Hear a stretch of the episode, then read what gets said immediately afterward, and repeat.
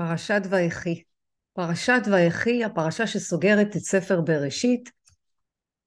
נכון, לפעמים אנחנו חווים ריקנות וחוסר סיפוק, ואין לנו מושג באמת מה ריק. יש לנו כאילו לכאורה הכל מהכל, ועדיין יש לנו איזו תחושה של חוסר.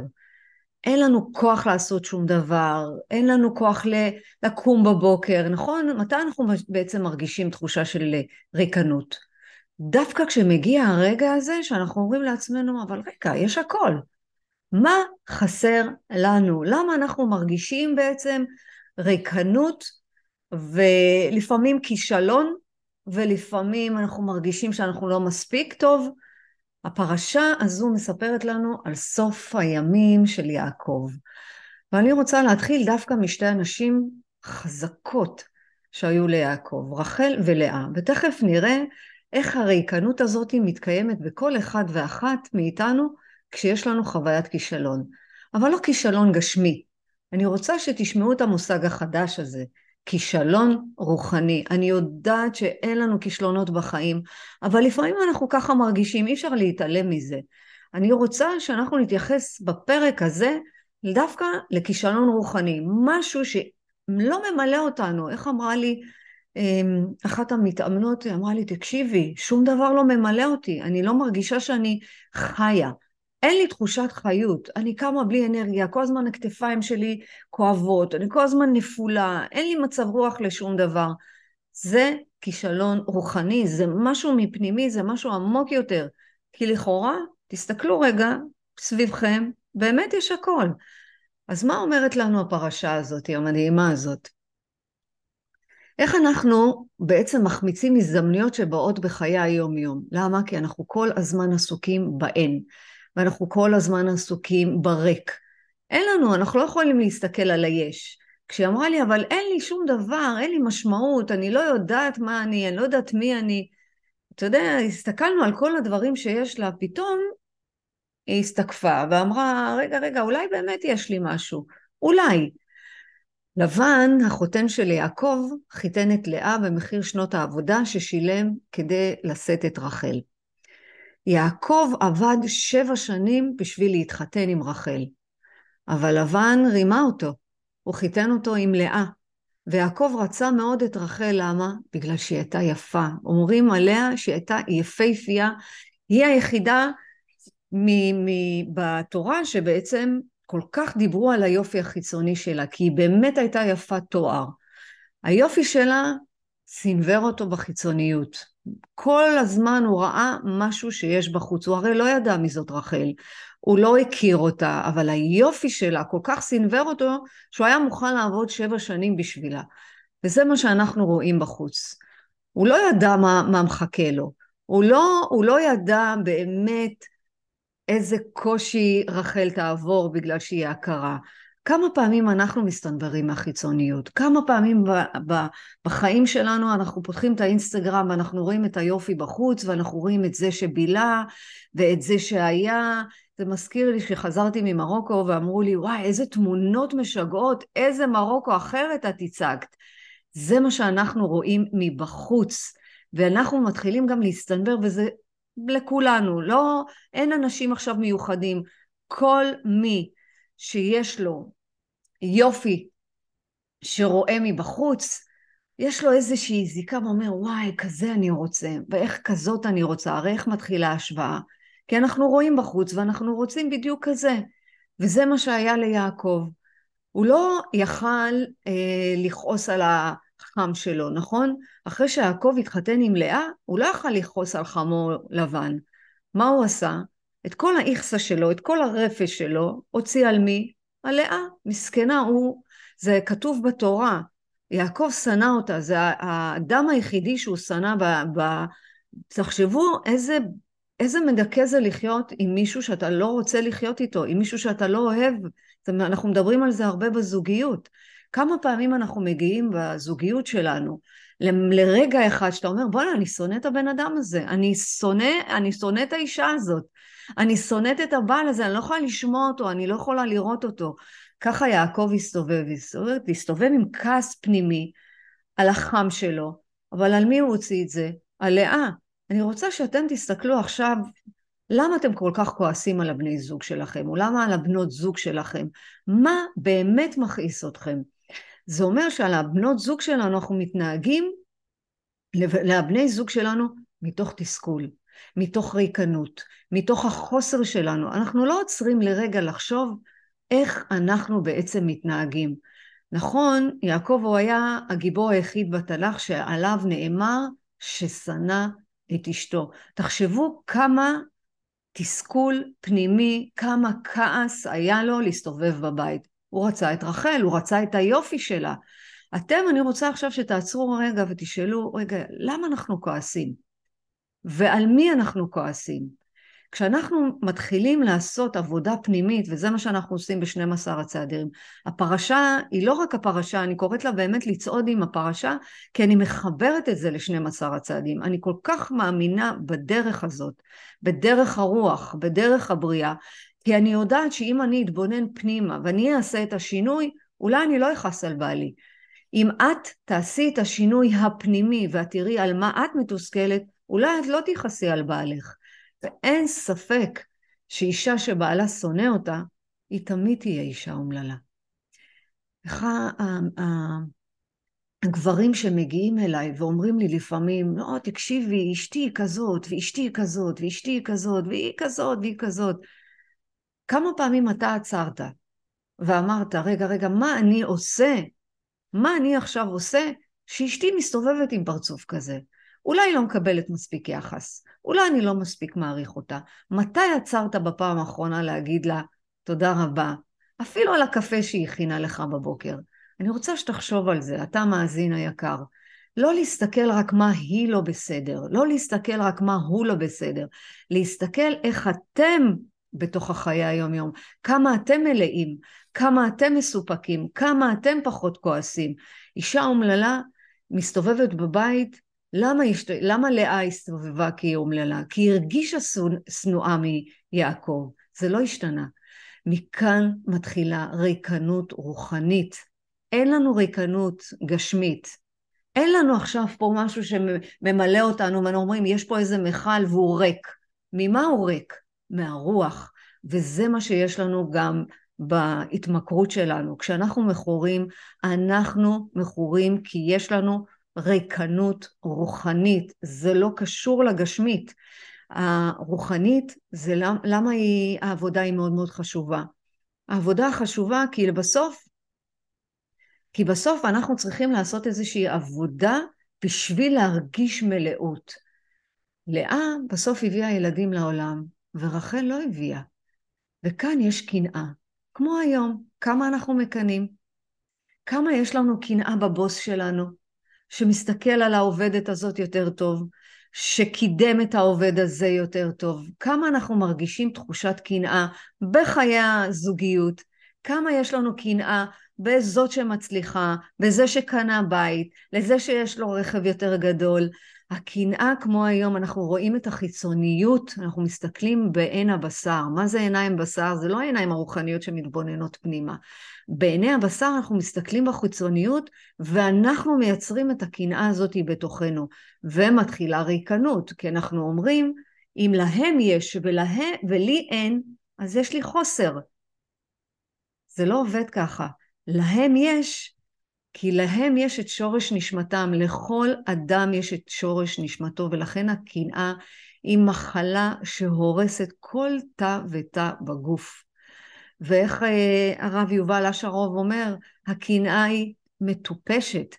כי אם אנחנו מתחילים להבין שלכל אדם יש את שורש נשמתו, והוא מצליח היום, כי אני לא יודעת מה היה לו בגלגול הקודם, אין לי שמץ של מושג, אולי בגלגול הקודם הוא היה עני מרוד והוא עבד על התיקונים שלו, והיום אלוהים גאל אותו ונתן לו כסף. לא שכסף זה גאולה, שיהיה ברור, כסף זה אמצעי, כסף זה ביטוי, אנחנו נעשה איזה פרק פעם על כסף, זה מאוד מאוד חשוב. זאת אומרת שאדם שהוא מצליח זה כי הוא עבר איזושהי דרך. אז השורש הנשמה שלו זה להצליח בגלגול הזה, לכן קנאה היא מחלה שהורסת. אל לנו לקנא באף אדם אחר, אל לנו, אנחנו לא יכולים לדעת מה הוא עובר בחיי היום יום שלו. אם אנחנו נדע את שורש נשמתנו, מה אנחנו צריכים לתקן, אז יכול מאוד להיות שבכל פעם מחדש אנחנו נהיה מרוצים מהיש שלנו. יש לי אה, מתאמן שכל הזמן מסתכל על החבר שלו.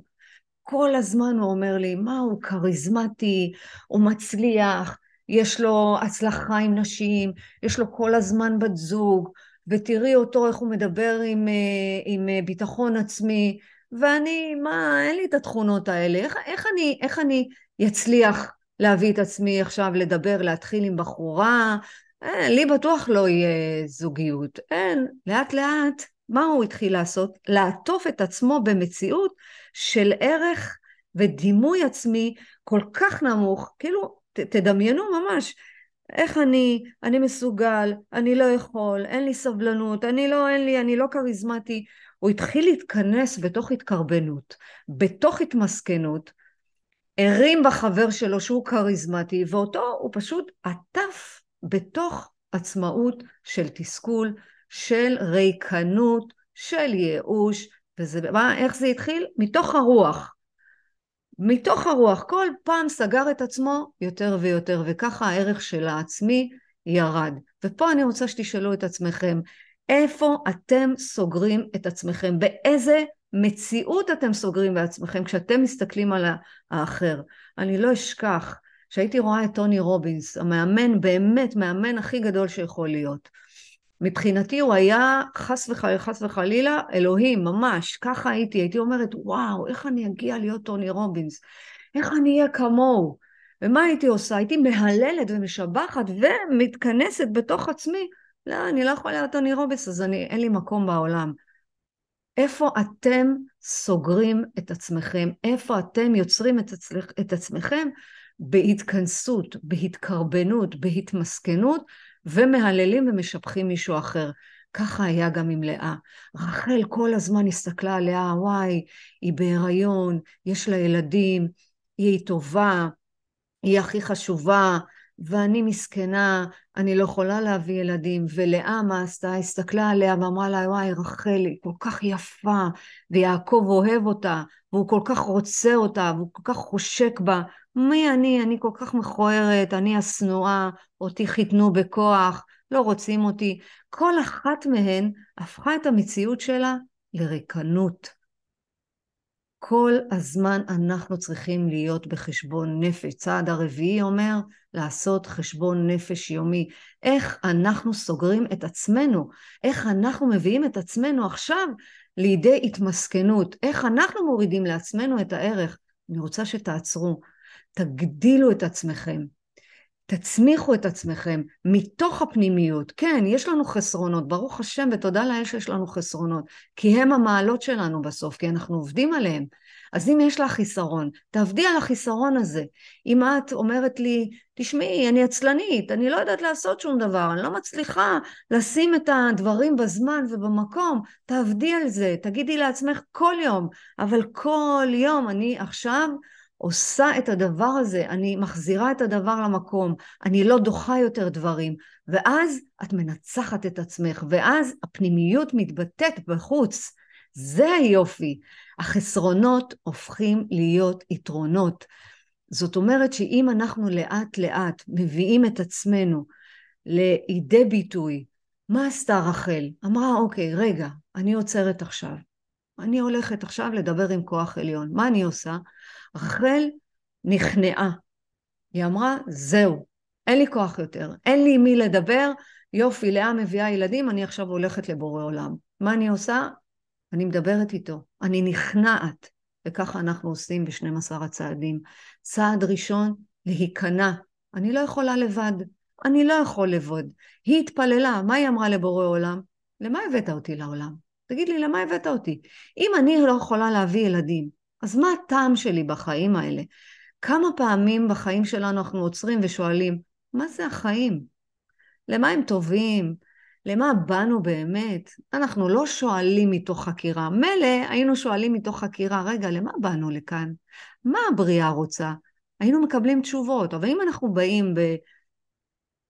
למה באנו? מה יש לנו לעשות כאן? מי צריך את החיים האלה? איזה חיים? איך אמרה לי אתמול uh, מתאמנת?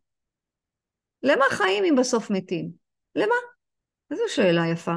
למה חיים? אבל אם הייתה שואלת מתוך חקירה, נשבעת לכם, היא הייתה חיה כל יום בשביל לא למות. כי מה זה מוות?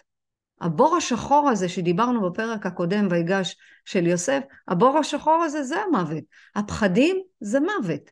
דאגות זה מוות. חרדות זה מוות. איזה המוות? שימוש בסמים זה מוות, שימוש באלכוהול זה מוות, שימוש בלשון הרע זה מוות, שימוש בקניות זה מוות. זאת אומרת שאני עכשיו כל הזמן חיה בשביל לא למות. אז אני ממלאה את עצמי ברוחניות, וגם את יכולה למלא את עצמך ברוחניות, וגם אתה יכול. זאת אומרת, למה באנו אנחנו, אם, אם נתחיל לשאול מתוך, אה, מתוך קושי גדול, גם יגיעו התשובות. כשהבורא ראה את הבכי של אה, רחל, והוא ראה את הדמעות שלה, והוא ראה את התחינה שלה, והוא ראה את התפילה שלה, הוא זיכה אותה בילד. אז מה הפרשה מלמדת אותנו? לעולם לא לאבד תקווה. לעולם לא לחשוב שהסוף הגיע. לעולם לא לחשוב שהבור הזה יישאר. לעולם, לעולם, לעולם. זאת אומרת שהכל יכול להשתנות ברגע. בוא נצבור מזון רוחני לרגעים הקשים. בוא נצבור בתפילה, בהודיה, בכתיבה, במדיטציה, בעשיית חסדים, זה מזון רוחני. זה, זה מה שימלא את, ה, את הדבר הזה שנקרא ריקנות. תזכרו שאנחנו פה כלים. אם אנחנו כלים, שום דבר לא ריק, אלא אנחנו מקבלים את האור, אבל על ידי עשיית דברים. בסוף החיים של יעקב, הוא מכנס את כל הילדים שלו סביב המיטה שלו לברך אותם. זה מזכיר לי עכשיו, ממש ממש קמנו, אה, אה, אה, בעלי והאחים שלו קמו מהשבעה, איך, איך הם התקבצו סביב המיטה שלה, והיא בירכה אחד אחד, זה היה מדהים לראות, זה בדיוק כמו שיעקב, שלקח את אחד אחד מהילדים שלו וברך אותם. ויקרא יעקב אל בניו ויאמר, האספו ואגידה לכם אשר יקרא אתכם באחרית הימים. זאת אומרת, הוא כבר ידע מה יהיה, וכל ברכה שהוא נתן זה בשביל שיתאים לגאולה של כולנו. בעצם כל שבט מקבל הנחיה שקשורה לאופן שהוא צריך לעבור את הגלות ולאחריה תגיע הגאולה. 12 אחים, 12 דרכים שונות להביא לגאולה.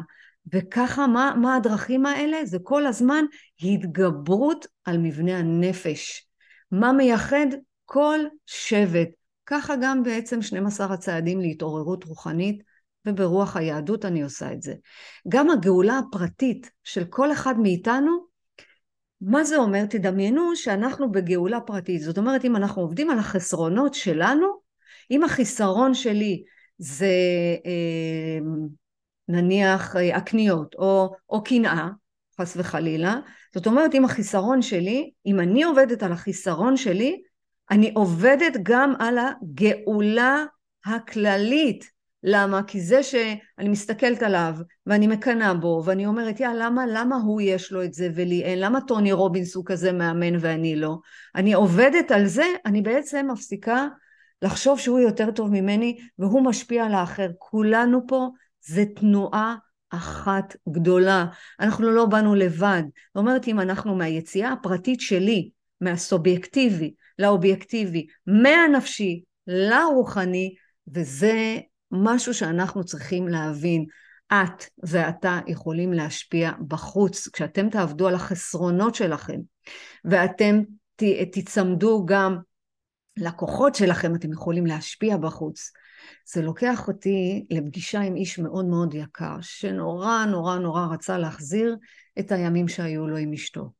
אשתו חלתה, והוא הגיע אליי מצוקה נפשית, באמת, מצוקה נפשית אמיתית, רוחנית ופיזית. ואז הוא אומר לי, תשמעי, אני רוצה שהימים שהיינו יחזרו. אני רוצה להיות עם אשתי כמו שהיא הייתה. היה מבלים, מטיילים, נוסעים, עושים חיים. שאלתי אותו, ומה עכשיו? אמר לי, כלום. אמרתי לו, שאלתי אותו, אז מה יש לכם? הוא אמר לי, כלום. תראי, אני, יש לי בעיה עם כעס. אני אדם מאוד כועס. אני מאוד מאוד עצבני. אני לא שואלת בכעס שלי, אבל עכשיו אני אעשה הכל, הכל, הכל בשביל שאשתי תחזור אליי.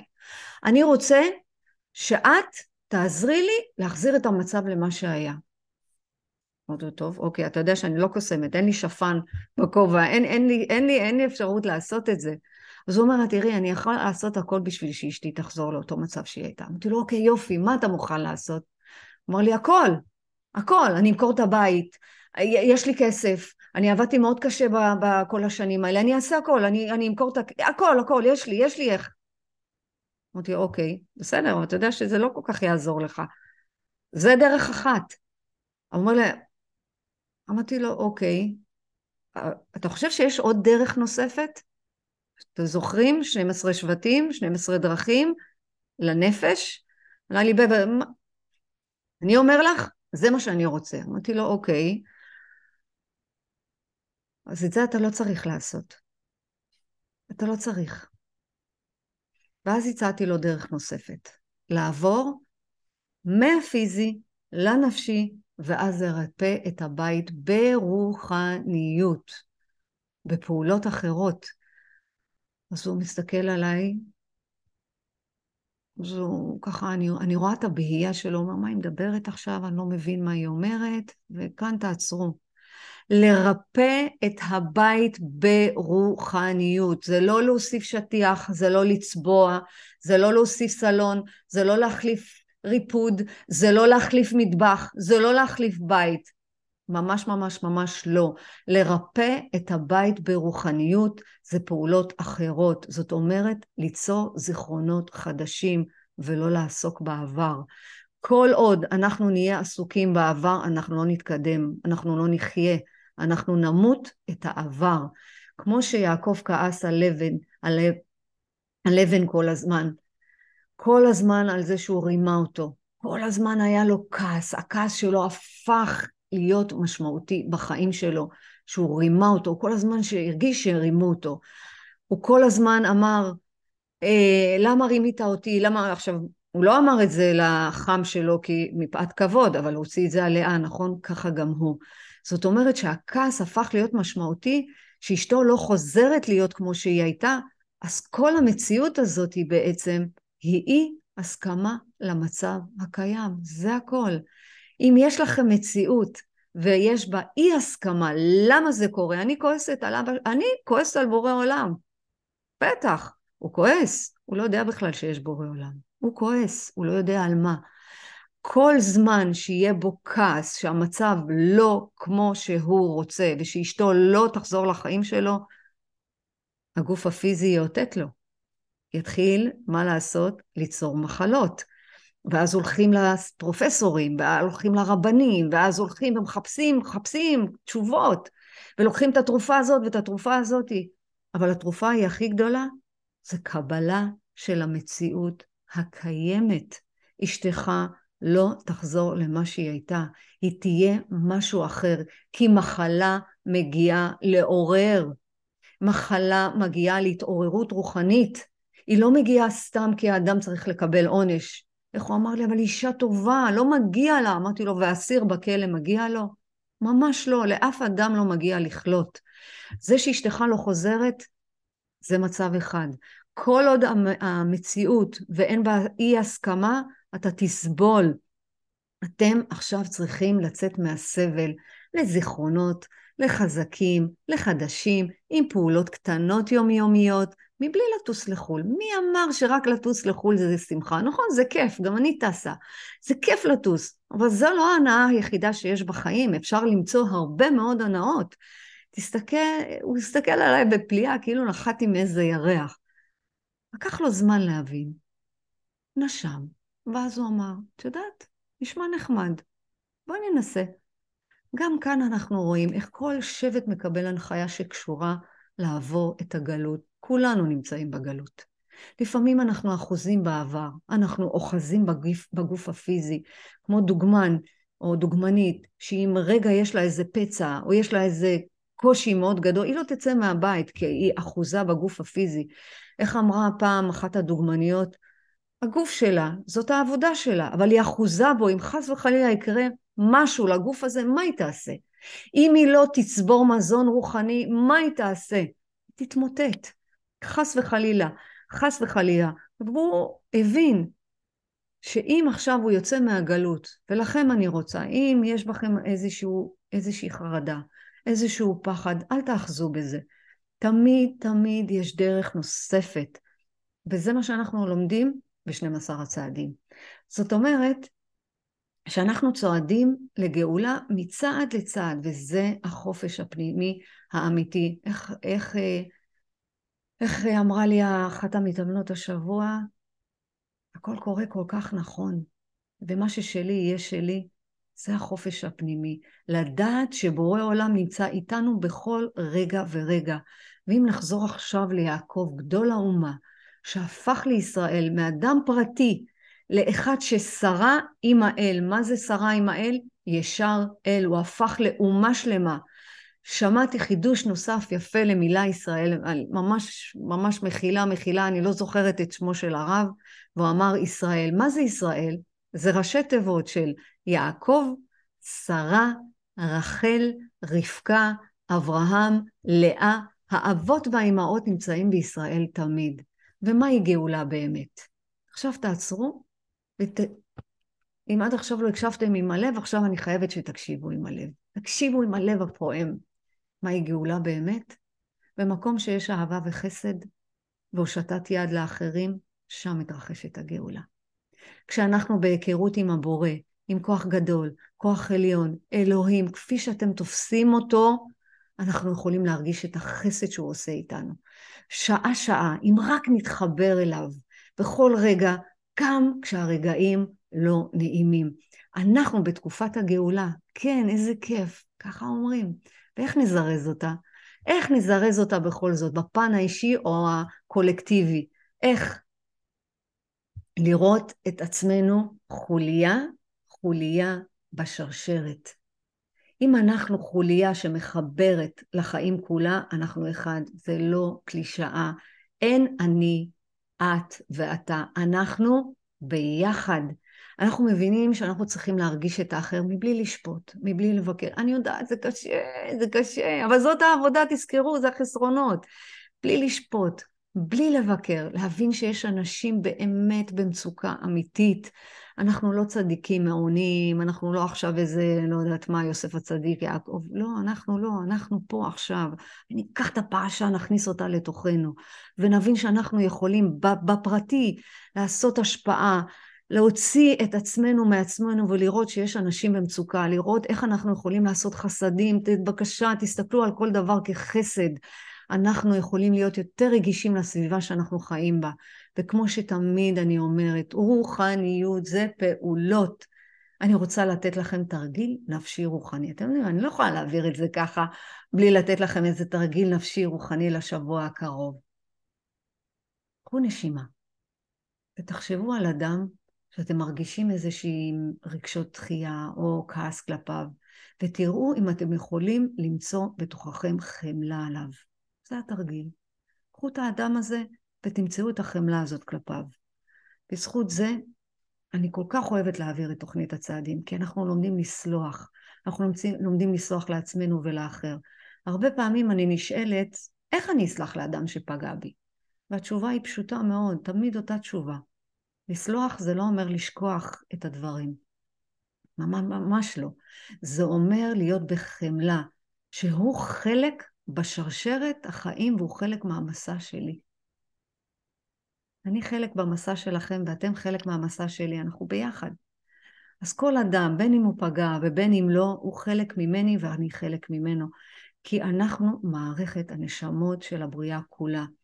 כתב רבי נחמן בליקוטי מוהר"ן, בסופו של דבר, השם מסובב את הדברים לטובה. כמו שסובב, שהאחים של יוסף, שיזרקו אותו בבור ושמו אותו, בסוף הוא הפך להיות יועץ למצרים. כך שבזכותם הם הגיעו למצרים והצילו את כולם מרעב. ככה גם השם מסובב לנו את הדברים תמיד. ותזכרו, שימו לכם איזה סטיקר, תנטעו את זה בתוך הלב, לא בשכל, פה, כאן, תמיד, תמיד, תמיד תקשיבו עם הלב הפתוח. הכל יכול להשתנות בין רגע. וגם אם נראה לכם שהכל קורס והכל קשור ואין דרך כיוון ואיך אבדה לכם הדרך חס וחלילה, הבורא שולח אליכם, אלינו, אנשים לעזור לנו בדרך.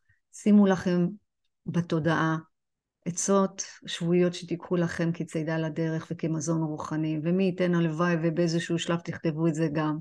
עצה ראשונה, שתמיד תדעו שיש כוח עליון ששומר ומכוון אותנו בדרך.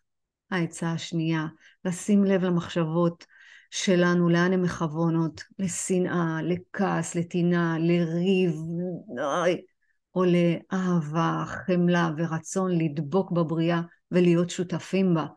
העצה השלישית, לשמור על עצמנו. תמיד תמיד תשמרו על עצמכם, תמיד תשימו לב לאן הכוונות שלכם, המחשבות שלכם הולכות, לאן הכוונות של הלב. מה מניע אתכם באמת? מה מניע? ריצוי, שנאה, כעס, תועבה, תאוות, או מניע אותי לעשות חסדים, לעשות מצוות, לדבוק בבורא. אני, יש לי פה פתק, לשים לנגד עיניי לרגע, לשעה הקרובה, את בורא עולם תמיד. זה נורא, כאילו כל הזמן זה מכוון אותי לעשות עשייה טוב. אני שמה לנגד עיניי את הבורא. למה? פעם, פעם, פעם, הייתי שמה, כאילו שזה לא קורה היום. גם, גם היום זה קורה. הייתי שמה לנגד עיניי, מה יחשבו עליי? מה יגידו עליי? איך אני נתפסת? וואי, רק שאני נראית טוב, רק, ש, רק, ש, רק שאני נתפסת, רק... לפעמים גם היום זה מגיע, ואז אני מהר מאוד מתעוררת, לשים לנגד עינייך את הבורא ואת השעה, השעה הזאת זה הבורא. זאת אומרת, זה נורא עוזר לי להיות בדרך הרוחנית. והלוואי, הלוואי וזה יעזור גם לכם. אז בואו נעשה רגע סיכום הפרשה. יעקב רואה את הילדים מתקבצים סביבו. כל הכוח של האדם זה היופי. אין לנו מה לתת. יש לנו מה לתת מהפנימיות, לא רק מהחיצוניות. לא מספיק שאת רזה ויפה, יש לך הרבה מה לתת. הרבה מאוד מה לתת. רחל היא היפה בנשים, אבל אנחנו כאן בגלל לאה. בזכות לאה, סליחה.